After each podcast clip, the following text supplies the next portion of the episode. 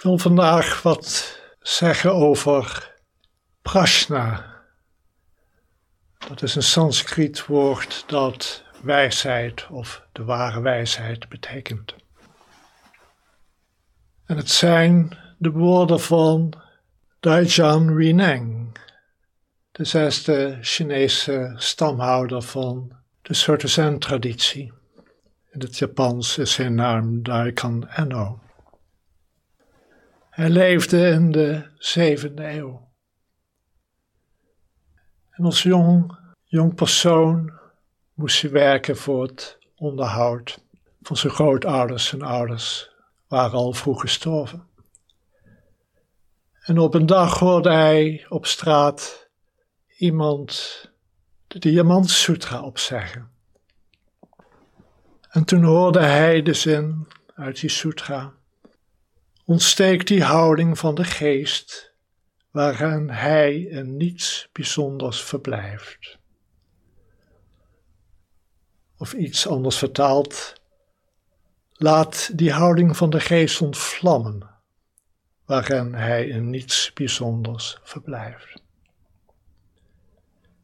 En dat maakte zo'n indruk dat, zoals de teksten zeggen, hij verlicht werd tot een diep inzicht van de essentie van zijn eigen geest kwam.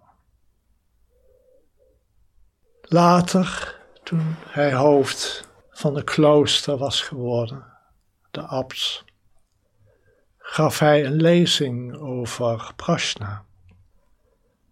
En hij zei: Prashna, ware wijsheid, is inherent in ieder aanwezig. Als we altijd en overal onze geest vrijhouden van dwaze begeerten en in alle omstandigheden wijs handelen, dan beoefenen we prashna, ware wijsheid. Eén dwaze gedachte volstaat om prashna te doen verbergen, terwijl één gedachte volstaat om prashna te onthullen. Eén dwaze, kortstondige gedachte maakt van iemand een gewoon mens, terwijl één verlichte gedachte van iemand een Boeddha maakt.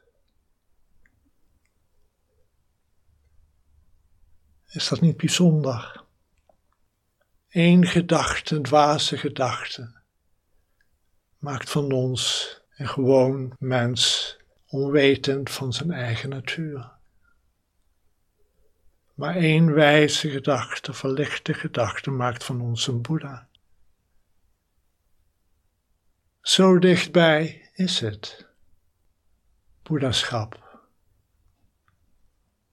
Daikaneno zegt vervolgens, een kortstondige gedachte die iemand doet hechten aan zintuigelijke objecten is bezoedeling. Terwijl één gedachte die iemand bevrijdt van gehechtheid verlichting is. Als we prashna, ware wijsheid, gebruiken voor introspectie, dan worden we door en door verlicht en zijn we klaar om de essentie van onze geest te doorgronden. Hierdoor worden we bevrijd. Als we bevrijding verwerven, bereiken we prashna samadhi, en dat betekent een volledig ontspannen en vrije aandacht, die alles in zijn onverdeeldheid waarneemt. En nu komt iets interessants. Hij zegt vervolgens: Dit staat gelijk aan volkomen gedachteloosheid. Wat is gedachteloosheid?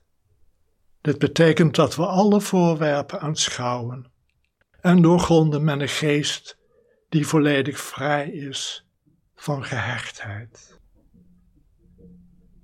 En daarmee is eigenlijk de cirkel rond. Want hij zelf was verlicht geworden door het horen van die regel uit de Diamant Sutra. Ontsteekt die houding van de geest waarin hij in niets bijzonders verblijft. Met andere woorden, waarin de geest aan niets gehecht is, in niets vastzit, niets in zijn eigen gedachteconstructies, in zijn meningen, opinies, in zijn theorieën over de wereld, over de ander, over onszelf. Laat de geest volledig vrij zijn. Maar hij geeft ook meteen een kleine waarschuwing. Echter opzettelijk aan niets meer denken, zodat alle gedachten worden onderdrukt, is volkomen verkeerd. Dus ga niet proberen niet te denken. Dit is niet wat we in deze meditatie doen. Het is de geest laten ontspannen, ruim worden. En we laten alle dingen, of er nu gedachten zijn, emoties, zintuigelijke gewaarwordingen, komen en gaan. En natuurlijk soms in het dagelijks leven moet je dit of dat vastpakken, het contempleren, erover nadenken. In je werk, in je relatie thuis, buiten, in jezelf. Maar laat de geest niet vastplakken eraan. Laat het uiteindelijk steeds weer gaan. En dan kom je terug naar prashna, naar ware wijsheid, die inherent in ieder van ons aanwezig is. De wijsheid, het weten van onze ware natuur, de essentie van de geest die leeg is en daardoor elk moment gevuld kan worden. En dan sluit Daikanen af met: Zij die het pad van de gedachteloosheid begrijpen, zullen ervaren wat alle Boeddha's hebben ervaren. En ze zullen het Boeddhaschap verwerven. Maar vergeet niet dat dat niet ver, ergens ver in de toekomst ligt zoals hij al gezegd heeft, één dwaze gedachte volstaat om prashna te doen verbergen, terwijl één gedachte volstaat om prashna te onthullen. Het is mooi om te zitten met wat voor gedachte dan? Wat is die kwaliteit van de gedachte en de relatie die onze geest ermee heeft, tot het onze ware wijsheid doet verhullen? of dat het juist onthult.